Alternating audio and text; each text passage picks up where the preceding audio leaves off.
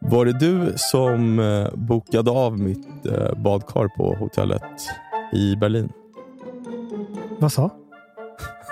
Det är helt sjukt. Det är, det är alltså tredje gången du ringer ett hotell som jag ska bo på. Som jag innan har ringt till och bett om ett badkar. Först gjorde du det i Göteborg under hela bokmässan. Sen gjorde du det när jag skulle åka själv till Kalmar. Och sen så fick du tag på vilket hotell jag skulle bo på i Berlin också och ringde och avbokade mitt badkar. De var väldigt perplexa för du hade ju tydligen ringt själv och försäkrat dig om det här badkaret innan. Det är ju helt sinnessjukt. Väldigt bra service på Badlon. Jag sa att eh, Pascal Engman var väldigt... väldigt, väldigt vä- han skulle, han skulle ställa till scener om det fanns ett badkar på rummet. Jag vet inte vad jag ska säga. Det det But you called. You called. Bathtub. No, no, no. That was not me. Det är, ju- ja, så då fick jag ju ställa till mig sen när jag kom dit. Och Fick du säga- ett badkar? Ja, men jag, jag älskar ju att bada badkar. Det enda jag tycker är roligt med att resa just nu och f- få bo på hotell, det är att jag ser fram emot att sjunka ner i ett badkar. Och vetskapen om att du har ett luftigt schema som du inte riktigt har berättat för Linnean. Det är väldigt stressigt nu så trycker du tre kebab om dagen. Ja, men i det så ingår att jag ska få ligga i ett badkar i två, tre timmar. Ja. Berövar det dig på det? Ja, det gjorde du. Nej, du. Jag lyckades ju få tillbaka badkaret. Det gjorde jag inte i Kalmar däremot. För då hade jag rummet taget redan. Det som jag skulle ha. Det enda rummet med badkar. Men, eh, ja.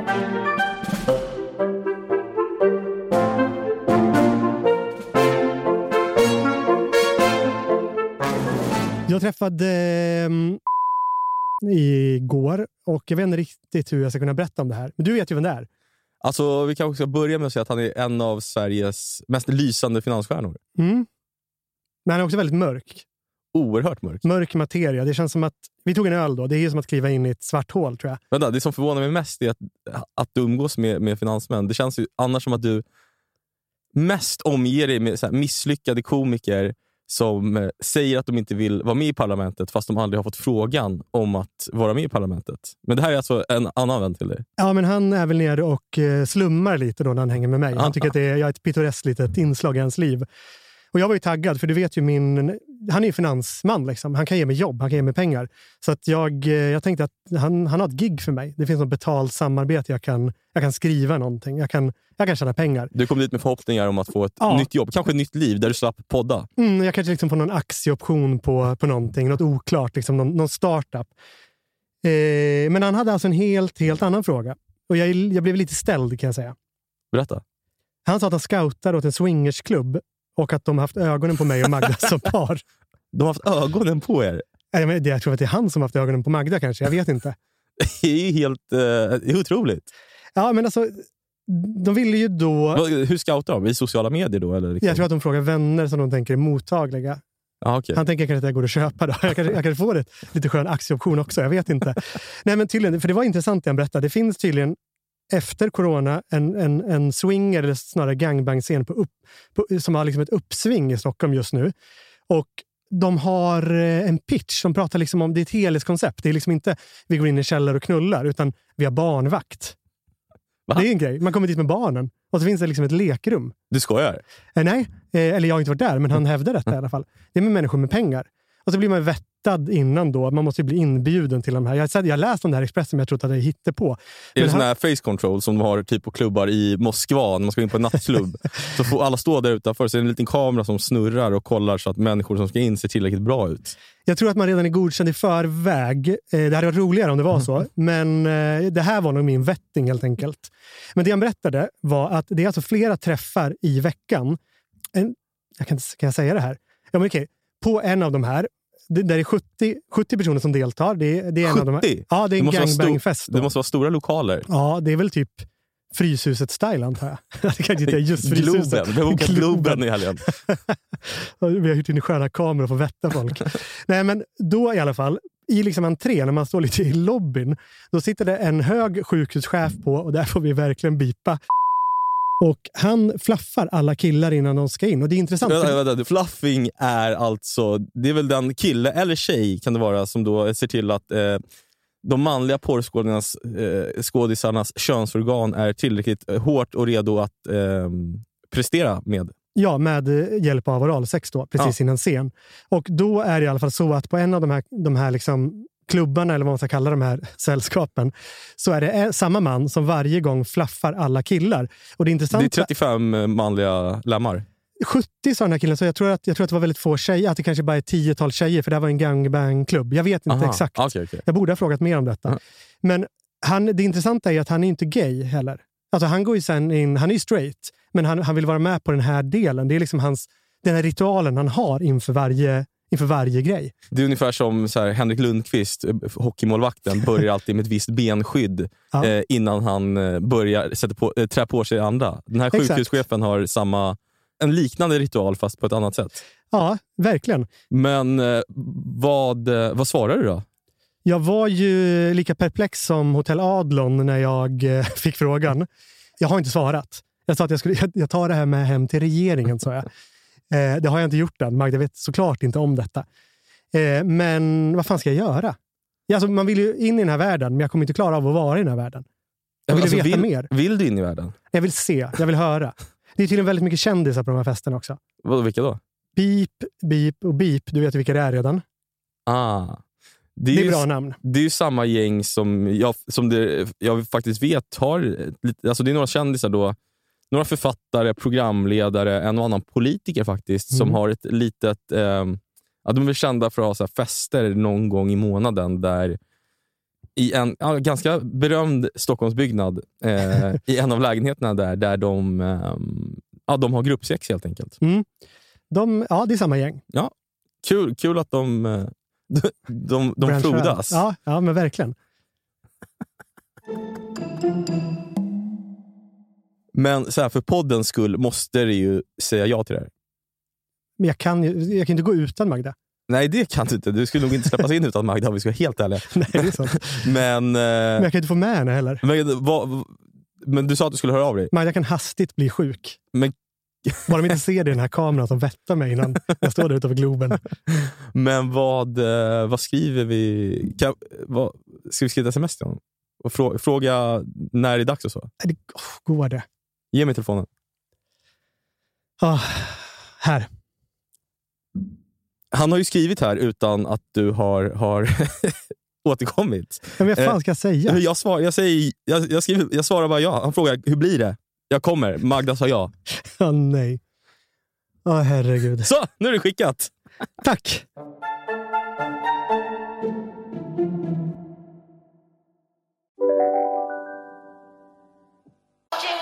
Tiden är inne.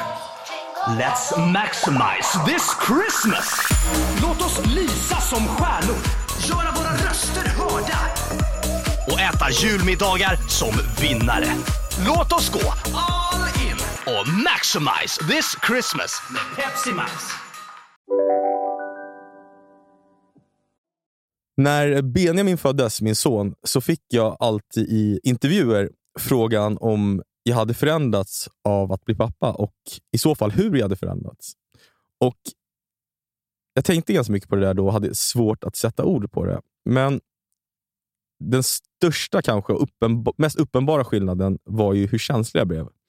Jag minns att när Benjamin var ungefär en vecka gammal kanske, så låg jag i soffan i vardagsrummet och läste Grottbjörnens folk. Eh, Benjamin låg bredvid ett så babynest på, på golvet och sov. Och Grottbjörnens folk handlar väl i korthet, eh, hur fan ska man beskriva den? Om en flicka som i mänsklighetens gryning adopteras av ett gäng neandertalare. Det är väl typ tio böcker. Eh, jag läs, orkade väl läsa fem, för huvuddelen av handlingen i de, så här, efter den första boken är att det knullas på olika skinnfällar och jagas mammut med spjut. Man pratar väldigt ofta, jag har också lyssnat på den här boken, det var väldigt svårt när man låg bredvid sin son. Och det, det allt, pratas alltid om Jondalars manslem som styvnar. Och den, är, den är tydligen helt enorm. Ja, Det, det, är, väldigt, det är väldigt snuskigt hela tiden. Ja, det minns jag också. Det minns jag också.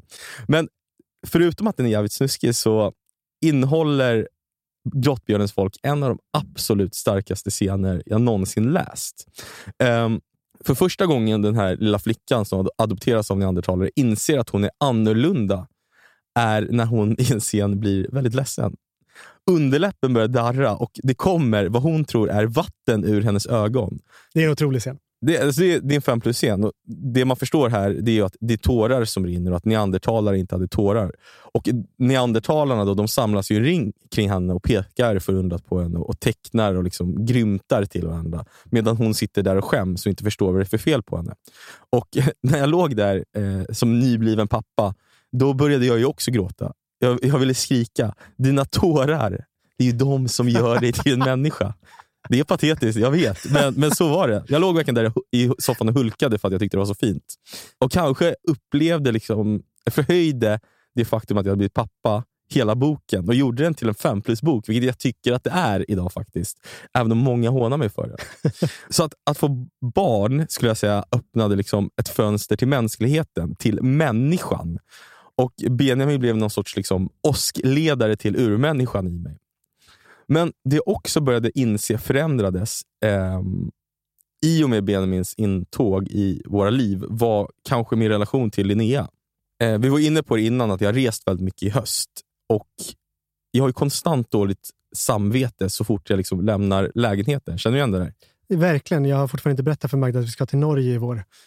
inte? Nej, jag kommer nog berätta det när det är någon vecka kvar. Ja, det är en turné vi ska åka på i Norge. Jag kommer att boka av mina badkar då också. Det kommer jag göra. Ja, jag förstår det. Jag kommer hämnas på det nästa vecka kan jag säga, på något sätt. Men precis som du säger, man väntar väldigt länge med att säga att man ska iväg på någon liksom resa till Bokens dag i Kalmar eller till Kiruna eller vad det kan vara. Och man har ständigt dåligt dåligt samvete om man liksom, plötsligt säger man, när man inte kan liksom hålla på det längre, så säger man så här, ah, du vet att jag ska till Värnamo om tre dagar. Så, som att det var något hon hade missat. ja, precis. Klassiker. Eh, men det där har tyngt mig. Jag har tyckt att det var jobbigt. Men sen har jag insett att det finns de pappor i vår närhet som verkligen har dragit där ett steg, steg längre. Jag tror, jag, vet, jag tror att du vet vem jag syftar på nu. Är det vår vän, eh, vår, jag vet inte om han är vår vän längre, det var ett tag sedan vi såg honom. Dubai Dave kallar vi honom. Ja, vi, vi bipar hans namn, men han får kallas Dubai Dave här. Då. Vi åt ju lunch, du, jag och Dubai Dave då, på Brillo. Och, ja, hur ska man beskriva honom? Det är en medieman. Eh, sen han fick barn eh, har han ju avskärmat sig ganska drastiskt från omvärlden. Han är ju bara man nu. Han är bara man. Pappa och man. Mm. Han har liksom köpt han har köpt ett, något hus eh, med murar eh, ute på Värmdö. Ett mindre fort. Ett mindre fort. Och Det han gör på fly, fritiden mest är väl att flyga omkring med, med olika drönare som han köper för liksom, tusentals kronor. Ja, han har ju även någon form av kommunikationssystem på drönarna. Så man ser folk på tomten, då kan han tala via drönaren till de här kidsen som springer på, på hans gård, på fortet. Ut! men, eh, men det han berättade för oss, det var ju ganska alltså, hårresande. Han berättade alltså att... Det är nästan orosanmälan-läge på honom. Ja, det är det, det är det. Men han har alltså blivit kallad till en arbetsintervju i Saudiarabien. För i Saudiarabien så byggs det flera, fast framförallt en så kallad gigastad. Den här staden den ska heta The Line och vara 17 mil lång. På, sina, på vissa delar 500 meter hög. Den ska alltså inrymma 9 miljoner invånare och den byggs liksom mitt ute i den saudiska öknen. Kostnaden är minst 500 miljarder dollar och man är väl tvungna att tvångsförflytta åtminstone 20 000 människor. Eh, så Det är lite annat än, än när folk eh, gnällde på kultur, i kultursidorna om att eh, Slussen byggdes om. Och Agneta Sjödin var gladast i Sverige för att den här guldbron som kom från Kina skulle passera Nacka, där hon bodde. Det finns ett starkt tv-ögonblick när hon sitter och ser guldbron för, bron för första gången. Kan att hon skulle gilla The Line också. Ja, det tror jag också faktiskt.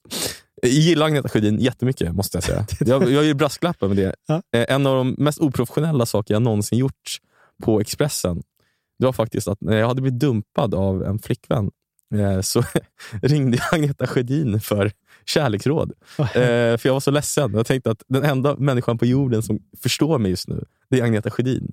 Eh, och det gjorde hon faktiskt. Hon, hon, var, hon? var jättesnäll och peppande. Hon sa att det här skulle gå över, att jag, jag var ung och, och stark och skulle ta mig vidare. Och, det var jag ju, och det, det gjorde jag. Nu sitter jag här.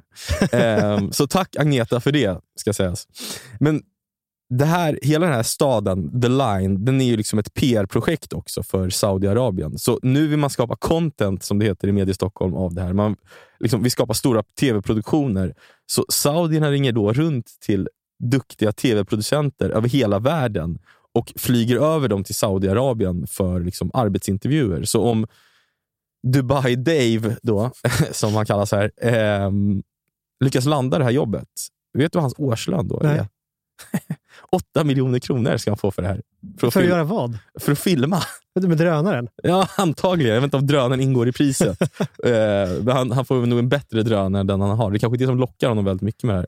Men det känns ju inte som att hans fru kanske vill signa upp, för det är ett annat liv att bo i Nej, men- Saudi. Nej, men, och Det är ju det som är grejen. Att eh, Dubai Dave har ju inte berättat om det här för sin fru.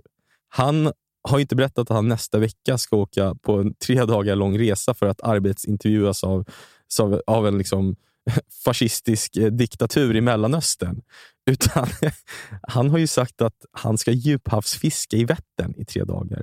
Det hade ju kunnat stämma. Det hade kunnat stämma, men det sjuka, det sjuka är för att Det bevisa... går väl inte djuphavsfiska i Vättern i och för sig. Men ja, men, jo, för det är väl Sveriges djupaste sjö. ja, just det. Så han, har- jag, vet inte, jag vet inte om hans fru har koll på, på, på just fisket. Eh, Strunt samma, men det sjukaste han har gjort det är också att han har tagit in en kille som alltså ska photoshoppa bilder på, på Dubai Dave. Eh, från när han, då är, alltså han ska sätta ihop bilder på Dubai Dave med olika fiskar från den här resan. Så han har någonting att visa upp för sin fru när han kommer hem. Så jag är väldigt glad att vi ändå har eh, personer som Dubai Dave i vår, i vår vänskapskrets. Som kan mildra det här dåliga samvetet som faktiskt inte är sär, särskilt dåligt när man hör om vad vissa andra män sysslar med. Är det det här du berättar för Linnea när du, när du får frågan om ditt luftiga schema i Berlin? Var du tvungen att vara det i tre dagar för två seminarier? Det är då jag berättar om Dubai Dave. Tack Dubai, Dave.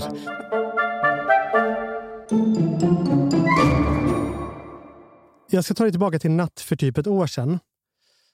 Men det är som att jag känner dig som en man som kanske inte gillar att prata om känslor så där mycket. Det är ju total diskrepans mot det och att du var Expressens intervjureporter där människor grät ut tidigare. Men jag, du ringde ju mig senast för, ja, det var kanske en vecka sedan. Och eh, du, du hade ätit middag med en gemensam vän och du suckade när jag frågade hur det var för att han hade lagt fem minuter på att prata om sin morsa som dött förra veckan. Du härdade inte ut, för så ointressant var det. Det var inte att jag hörde ut, det var jobbigt att höra också. Jag vet inte vad jag hade förtjänat. För, alltså, jag förstod ju att han var tvungen att prata av sig, det gjorde jag. Men det kändes ju också som att jag var inte redo att ta den känslomässiga smällen just då. Eh, Även om jag förstår... var jag du först- skakig själv? jag, jag blev, en kul kväll? Ja, men jag blev, ja alltså fan, jag, det är ju sällan jag är ute och äter middag och sen så träffar jag den här kompisen. Det är klart, det är klart Du det har sol. påverkat honom. Du att- soldoktorn där.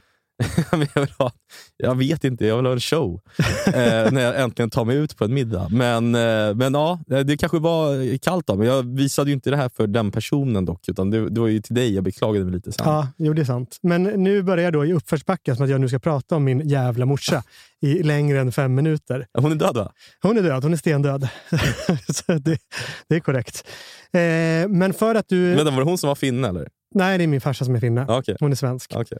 Eh, hon dog eh, hyfsat ung här för några år sedan. Mycket. Eh, nej, inte alls.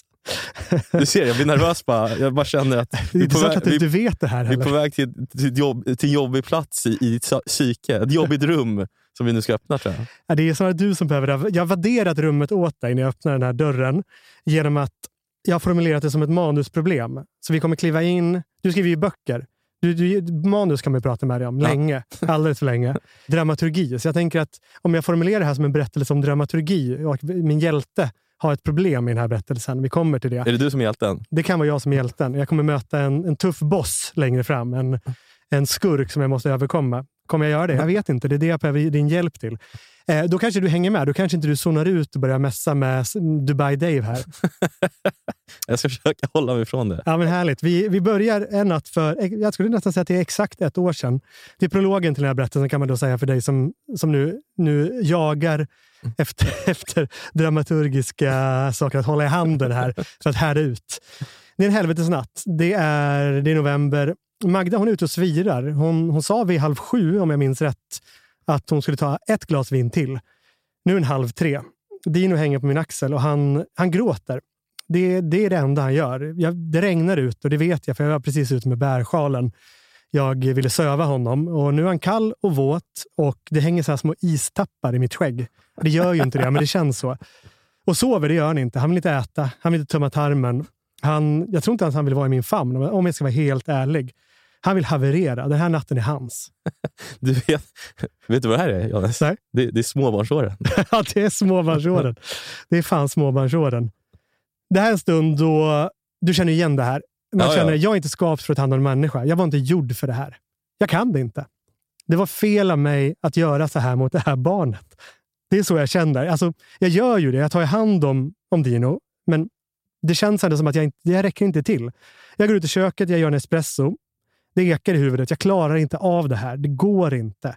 Jag tänker på annat som jag gjorde för. Jag gjorde för att sprattla i natten med Dubai Dave. Det är jag bra på. Jag kan springa långt och hyfsat snabbt. Det är jag också bra på. Trots, eh, trots plattfötterna. Jag har lite ont i knät idag faktiskt, men jag är ganska bra på det. Eh, Jag börjar tänka på fäder som lämnar sina familjer. Min farsas eh, pappa drog ju till exempel eh, de här som bara ger upp och går. Och det, det har inte funnits på kartan att jag skulle göra så, men du vet ju den här känslan man har i stunden. Att man vill skona sitt barn från sina framtida misslyckanden. Det är ju hemskt. Det känner jag inte igen alls. Nej, nej. Jag vet inte om det gör dig till en bättre eller sämre pappa. nej, men jag står där i alla fall. Det är inte aktuellt att jag ska lämna honom. Men eh, Star, fa, fint av dig, Johannes. Årets pappa. ja, Jag, att jag ringer redaktionen på ma, tidningen Mamma direkt och anmäler dig. Ja, eh, det tackar jag för. Nej, men så här är då cliffhanger på, på, på denna prolog. Jag tar upp min telefon, jag skickar ett mejl till en terapeut. Det är ingen stark cliffhanger, men jag har dig fortfarande på att det är någon form av berättelse här. Du, du lyssnar fortfarande? Jag gillar att höra om alla dina terapeuter du har förbrukat genom åren. Så nu, nu är jag Vi gick igen. förbi en som ligger granne här med, med poddstudion. Ja, det var kul att se. Han, han dök inte alltid upp. Du, du säger ofta det när man promenerar runt med dig i Stockholm. Alltså någon, var som helst i Stockholm är det så här, ah, här har jag varit på terapi. Det är många som går runt och pratar. Jag kan tänka mig att eh, Thåström går runt och pratar om portar han har knullat i. Jag kan berätta om... här har jag suttit och gråtit en gång. Vad, vad, om du bara skulle uppskatta mellan tummen och pekfingret, vad har du lagt mest pengar på?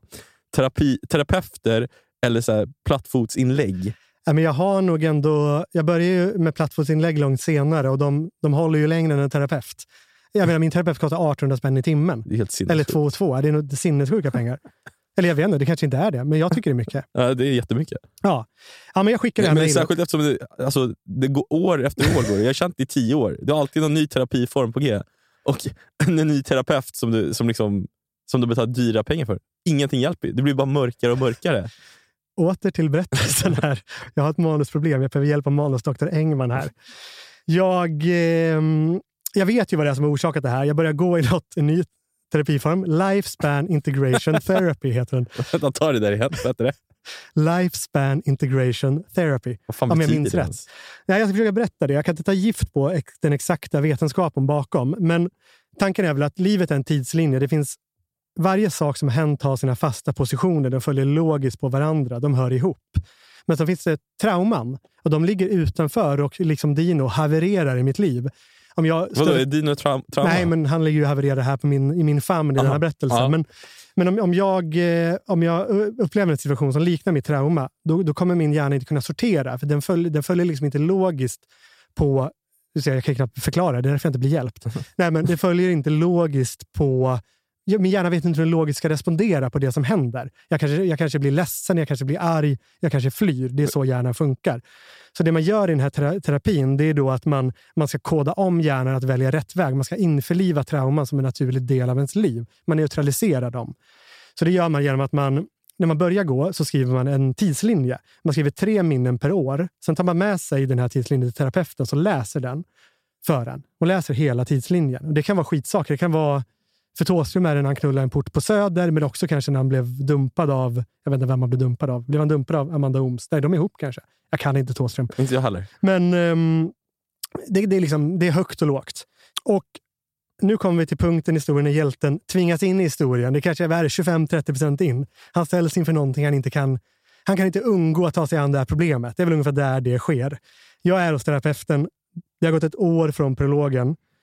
Det händer någonting riktigt, riktigt stört. Terapeuten läste min tidslinje och de första åren i livet vet jag ingenting om, så då, då, då höftar hon lite.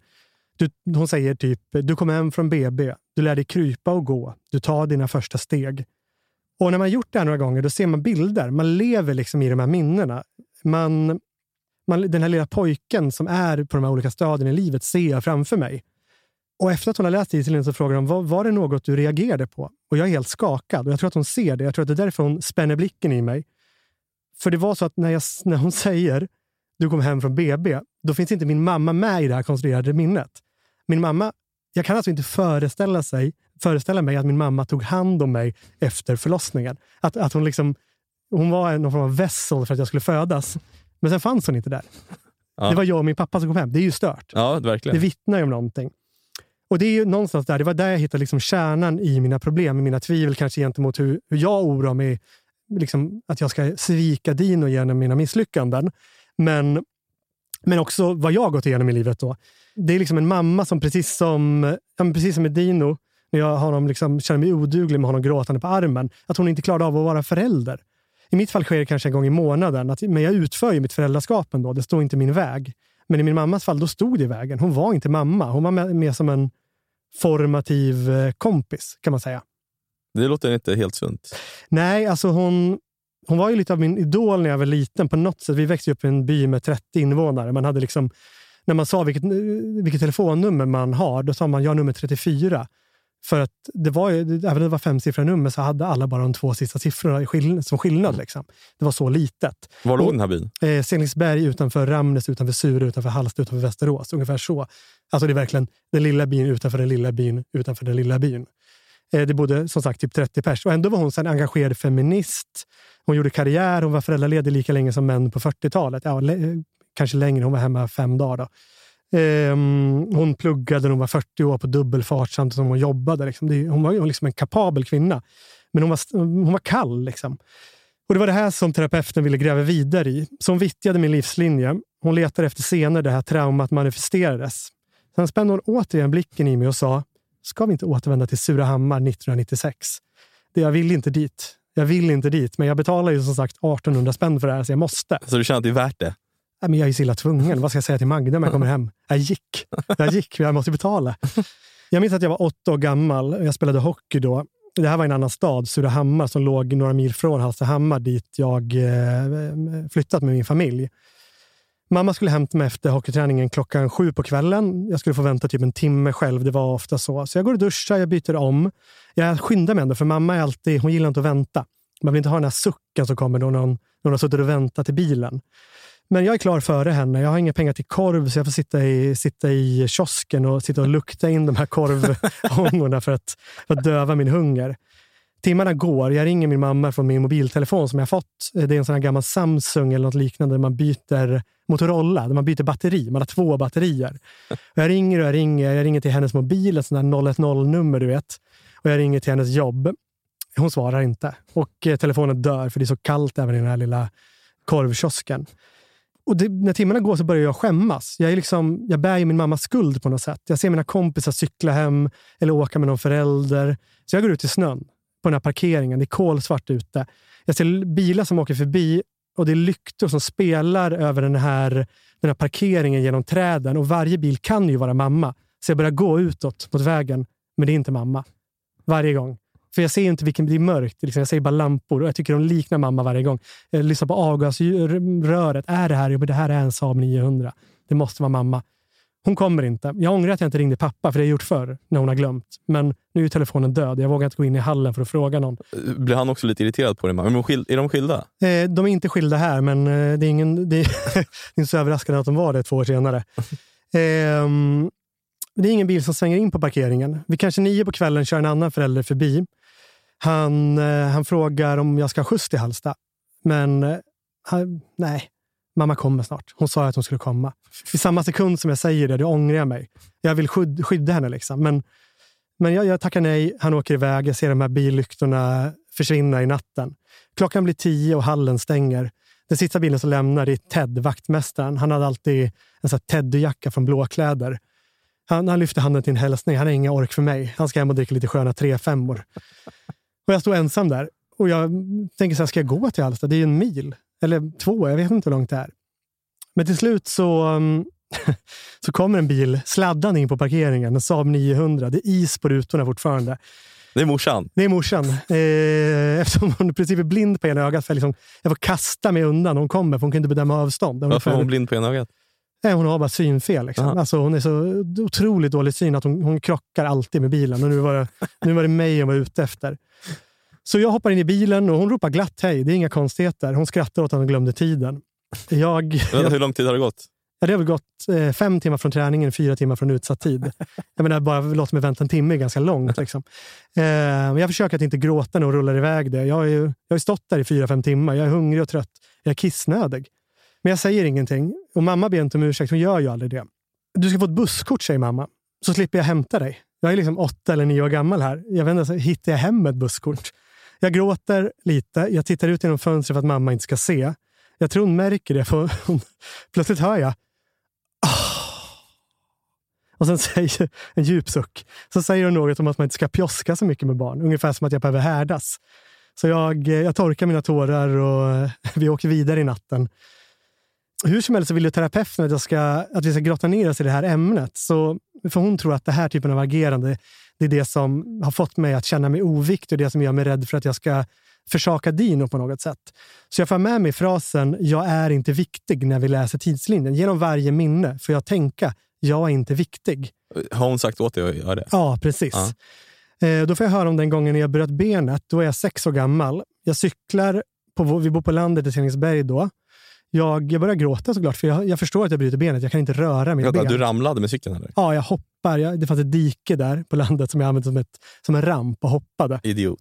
Ja, fick cykeln över mig, bröt det. Jag ropar, ingen kommer. Jag ropar, ingen kommer. Det går 20 minuter. Jag, ger, alltså jag kände så här, vad fan ska jag göra? Jag börjar krypa in längs grusgången. Det är kanske 100 meter. Ja, nu är Fan, ovär, ovärdigt. Ja, det är ovärdigt. Jag, eh, jag kommer in till dörren. Jag får liksom ta mig upp på ett ben. Det, att det gör så ont att få upp dörren. Och då ser jag mamma ju där. Hon har hört mig hela tiden. Du skojar? Nej, nej, jag skojar inte. Eh, hon säger, ja men du gråter ju för allt, vi har slutat komma när du ropar. Eh, sen, pappa, jag märker på pappa, det är där jag också märker diskrepansen i deras relation. Han har blivit tvingad, jag tror han blivit, jag hade aldrig frågat honom om det, men jag tror han blev tvingad kvar, för han är väldigt upprörd. Han är, liksom, han är väldigt upprörd över det som händer. Han ringer till sjukhuset och de säger, ja men benet är nog brutet. Och då kommer den. Oh. Sucken från mamma. Ännu ett problem. Så står i vägen för hennes liv. Hon är inte årets mamma. alltså. Så. Nej, hon är nog inte det. Och jag kommer till sjukhuset. Det visar sig att benet mycket väl är brutet. Jag går i gips hela sommaren. Det är sommar 94. Jag, ligger med, jag får en hamster som springer runt och bajsar i, i en soffa som jag ligger i hela sommaren med det här gipset och tittar på fotbolls-VM. Vem fick du 94. hamsten av? En präst i Ramnäs. Jag vet inte vi kände. Han söp mycket. Ehm, och var hos oss på fest ibland. Vad döpte du hamsten till? Eh, jag döpte den efter hans son, men jag tror att den, den Efter hamstern... prästens son? Ja, eh, Fredrik någonting eh, hette han. Ja, Ja, fint. han eh, det gick, tog inte lång tid innan han sprang ut på de eviga ängarna. Jag hade också en hamster. Eh, Min hamster hette Lelle. Ja. Och min lilla syrra hade, min lillasyster Manuel hade en katt som hette Madonna. Och eh, vår lillebror Elias tog ut Lelle och, och satte ner honom framför Madonna som gjorde processen väldigt kort med stackars Lelle. Ett traumatiskt minne. Elias sitter på Hall nu va? Ja, eh, han borde ha gjort det för det. Eh, men ja, Lelle lever inte längre. Han gör inte det. Och Nej. inte din hamster Fredrik hem- Nej, heller. eh, Men shout, shoutout till dem. Shoutout till dem. Nej, men eh, när det visade sig att det här var att benet var brutet, då blev det här för mamma till en rolig historia som hon berättade till alla hon träffade. Hur vek jag var och att jag liksom genom det straffade mig själv ut från rätten till hennes omvårdnad. Det är ju, det är ju stört. Jag frågar ändå terapeuten, för jag är ju liksom, det här är ju naturligt för mig. Jag har ju återberättat den här historien som barn, som en rolig historia. Jag har införlivat det här som en normal del av att vara barn. Men jag frågar, så därför frågar terapeuten varför jag reagerar så starkt, varför jag reproducerar den här känslan i mina vuxna relationer. För det gör jag gentemot jobb, partners och vänner. Jag känner mig inte viktig, liksom. utan mina behov kommer alltid sist. Eh, men hon säger att det inte det är inte ovanligt att man söker sig till personer eller miljöer som har beteenden som liknar det som skapar ens, ens trauma. här får man lite nyckel i den här för att hålla sig tillbaka till den här dramaturgiska bågen. Det här är en liten cliffhanger. Jag är på väg att skrapa på någonting mot en lösning här. Ja, bra. Du, du är med oss, du lyssnar Ja, fortfarande. Eller tänker du på Lelle, vad han hette? Nej, jag släppte Lelle. Jag är faktiskt med i berättelsen. Ja, du är det. Vad Ja, skönt. ja. Ehm, jag går ut från terapin. Jag känner mig tung. Det gör jag ofta när jag går därifrån. Det är en, jag har aldrig huvudvärk, men varje gång när jag lämnar min, min kära terapeut. Och inte bara för att hon tar 1800 spänn för 45 minuter. Ehm, det är någon som har satt sig i rörelse. Jag, har liksom inte, kanske, jag kanske inte har nyckeln till att lösa mina problem. Men jag vet var dörren finns i alla fall. Den här hjälten vi följer i den här berättelsen, han är on a mission nu. Det här ska han lösa. Så jag kommer hem. Jag ska ta tjuren vid hornen. Jag ska bryta det här mönstret. Jag öppnar dörren. Jag ser i soffan, där sitter slutbossen. Den här liksom Bond-skurken, det sista problemet jag måste överkomma för att den här berättelsen ska bli hel. För att jag ska kunna glida ut i en epilog där jag sitter på någon skön porch med en whisky och funderar på vilka förändringar jag ska göra i livet när allt har landat och historien långsamt tonas ut. Det är Magda, min flickvän, som sitter där. Jag hör att det, det pangar och exploderar på tvn. Det brakar och skjuter. Det är någon form av Playstation som spelas. Jag ser att dosan är kladdig jag vet inte om det är svett, för jag ser också att det finns en chipsskål där. Det är, det är arbetsdag, men det är det här som pågår. Jag hör att hon svär på en blandning av bosniska och svenska. Haiden, flytta på dig, din jävla fitthora, säger hon. Eh, jag säger hej. Eh, det hände en grej här på terapin. Eh, hon är inte mottaglig. Jag berättar ändå om minnena som spelat upp för mitt inre, om benbrottet, om när mamma inte hämtade mig på hockeyn jag är, när jag är färdig så är jag skakad. Jag är liksom där igen. Jag är den här pojken igen. Jag står och väntar på vad jag vet ska hända. Magda stoppar ett chips i munnen. Jag hör liksom hur det långsamt krasar. Krasar heter det va? Sen trycker hon paus på Playstation-kontrollen och sen hör jag det. Sucken. Den där isande kalla sucken som får allt att låsa sig inom mig. Sen vänder hon sig mot mig och säger, ska du gråta nu eller? det, det, det, är då jag förstår.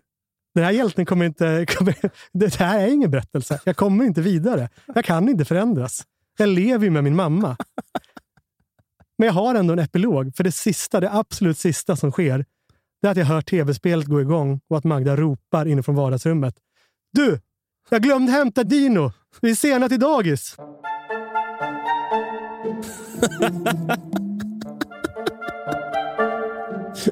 Fan vad mörkt. Vi var ju på fest hemma hos eh, författaren eh, David Lagerkrans för ja, vad var det? en vecka sedan kanske. Det var väldigt fint att du bjöd med mig. Ja, alltså, det, ja jag har sån jävla ångest efter den där festen. Eller jag hade sån ångest, nu har det släppt lite. Men, eh, var det för att du nallade saker från presentbordet? Nej, för det stämmer inte. Det gjorde jag inte. Men, eh, ja, men vi blev ju ganska fulla du och jag. Och det, alltså, så här, eh, först att vi på Rish, du och jag ensamma. Eh, vi, vi ska ju säga att vi är jätteglada att David bjöd oss på den här festen. Det kan vi börja med. Ja, han bjöd dig. Jag var ju... Du var min producent. Hans agent bjöd dig och du bad om att få ta med mig. Så var det. Så var det. Och du var ju väldigt nervös för att gå på fest på Östermalm. Du hade ju alltså ringt runt till olika eh, Östermalmskompisar, som du kallar dem, för att höra hur man gjorde med skorna på Östermalmsfester. Men man har väl inneskor, tänkte jag. Nej, men så när jag, när jag då vill när jag vill trycka ner min... Eh, först när du stapplar in på Rish, då har du ju med dig din dataväska. Ja. vad fan är det som pågår, tänkte jag. Och Sen så frågade jag om jag fick lägga ner min vinflaska som jag hade köpt åt David i den. Då sa jag att de inte fick plats, för där hade du dina extra skor. Ja, och i min egen flaska fick ju heller inte plats, därför jag ville inte trycka till skorna. Men du kom ju dit så här sneakers med tuggumirester på. Hans mattor kostar mer än din lägenhet. det gör de förmodligen. Det första ångest för det är att vi hade ju med oss varsin vinflaska. Ja, det gick snett direkt. Det gick fan snett. Du försökte räcka, räcka över till David för att du inte visste det här med presentbord. Eh, ja, och så fick jag säga något i förbifarten om... Jag kommer inte ihåg vad jag fick säga. Någonting om... Någonting om att vi, jag bodde granne med honom. Du, ja, du tog det upp med honom hela tiden. Ja. Han lyssnade aldrig. Han lyssnade inte. Han bara, han bara flackade med blicken så fort, så fort du kom på tal. Bara sträckte fram handen mot dig. Då har ni ändå mötts ganska många gånger i trapphuset. Ja, alltid som. Ja, hej, du är nyinflyttad. Hej David. alltid jättetrevlig. Ja. Han är ju otroligt charmant. Han är kanske en av Sveriges... Eh, Trevligaste människor. Ja, ja och det är han genuint. Verkligen. Eh, men han, han hade ju fokus på lite annat än våra två vinflaskor som vi räckte fram mot honom. Och så, som jag sedan såg det så trycker ner din egen jackficka. Nej, för grejen var så här. Jag orkade, efter alla misslyckanden när jag hade försökt få honom och dig att bonda och berättat om att ni var grannar, så orkade jag inte fråga också var presentbordet fanns. Så jag tryckte ner den här vinflaskan i min väska och tänkte jag letar upp David sen och ger dem till honom. Det har du inte gjort va? Nej, det Vi har varsin tusen kronors flaska hemma. Ja, min kostade ju 300. Eh, du, du slog ju verkligen på stort. Du ville ju verkligen imponera på David Lagercrantz. Jag är nervös. men, men det var lite speciellt, för vi, vi visste ju inte att det var en 60-årsfest. Nej, det visste inte. Eh, och alla hade ju med sig present och var där för att fira David. Och vi, var, vi, var också, vi ville också se hur David Lagercrantz brodde, om vi ska vara helt ärliga. Men så träffade ju väl, alltså vi, det var inte bara det, alltså det var ju också att vi... Eh, alltså vi vi var ju för fulla. Vi sa, jag sa ju till... Jag började gasta på Per Andersson för att han hade... eh, Komikern Per Andersson. Eller först... Det var en svängning i relation. För först kunde du gick du fram till honom och sa “big fan”. Det var väldigt märkligt, för jag tror inte du har sett något han har gjort. Ja, Nej, det har jag inte. Men jag, jag har alltid drömt om att säga det till, till, Per Andersson. nej, till någon människa bara. Big fan. Ja. Eh, då blev han väldigt glad. Och Sen så hade jag fått i mig några fler drinkar och så stod, såg jag Per Andersson och några andra komiker, eh, lite mer framgångsrika än dina kompisar. Mm. Eh, kanske till De får lön till exempel. de får lön och de får med i parlamentet om de Ja. vill. Eh, stå vid David Lagercrantz skrivbord i hans arbetsrum och eh, liksom ställa ner sina drinkglas och ölglas i närheten av, av Davids dator. Då. Din helig plats framhärdade du. Gastade du till Per och även till Jenny Strömstedt som var helt oskyldig. Eh, ja, eh, ja, jag, skri- Så där gör man inte.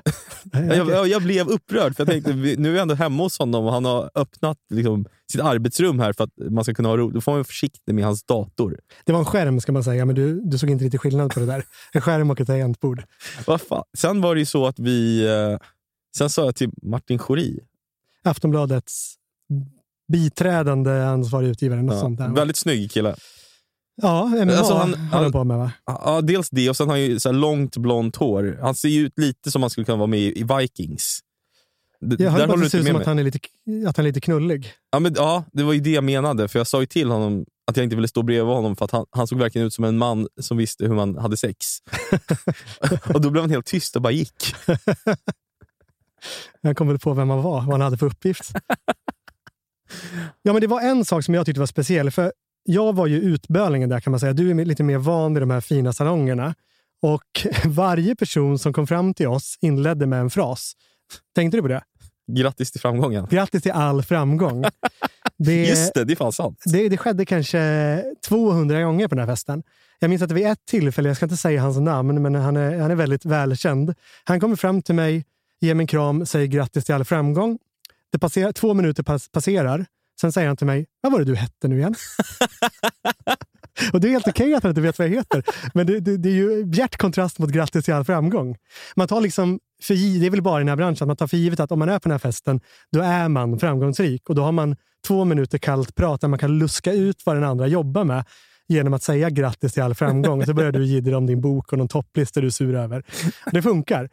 Men det, menar, det hade ju inte funkat. Hade vi varit på fest med, jag vet inte vet jag, Jeppes rör med rörmokar. Det är inte som att man kommer fram till Paul eller vad de heter med en bärs och säger grattis till all framgång. Vilken jävla ball och fix du satte in förra veckan. Det var en ballofix. Det är så man stänger på vattnet med tror jag.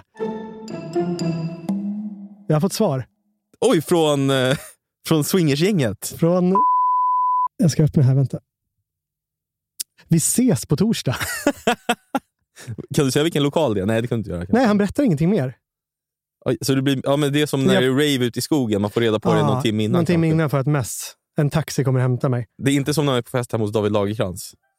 Han hade ju butlers i dörren. Ja, det hade han. Ja, en dörrvakt hade han. Ja, fast det var kanske hemma var en hos sån honom. här som, som kollade. Ja. Vättade oss innan. Ja, vi blev insläppta. Ja, det sjukt blev nog. konstigt. Ja, men jag kan inte gå på det här. Jo, det måste du. Men jag vet inte, hur fan ska jag föra mig där? Vad, vad ska jag säga till folk? Vad ska jag vet- göra? Du vet ju vad du ska säga till, till han flaffen i alla fall. I början där när du, när du blir uppvärmd. Un, under uppvärmningen så att säga. Grattis till all framgång. Han är ju sjukhuschef. Han är, han är ju sjukt framgångsrik. Ja. 70 människor är fit for action. Ja.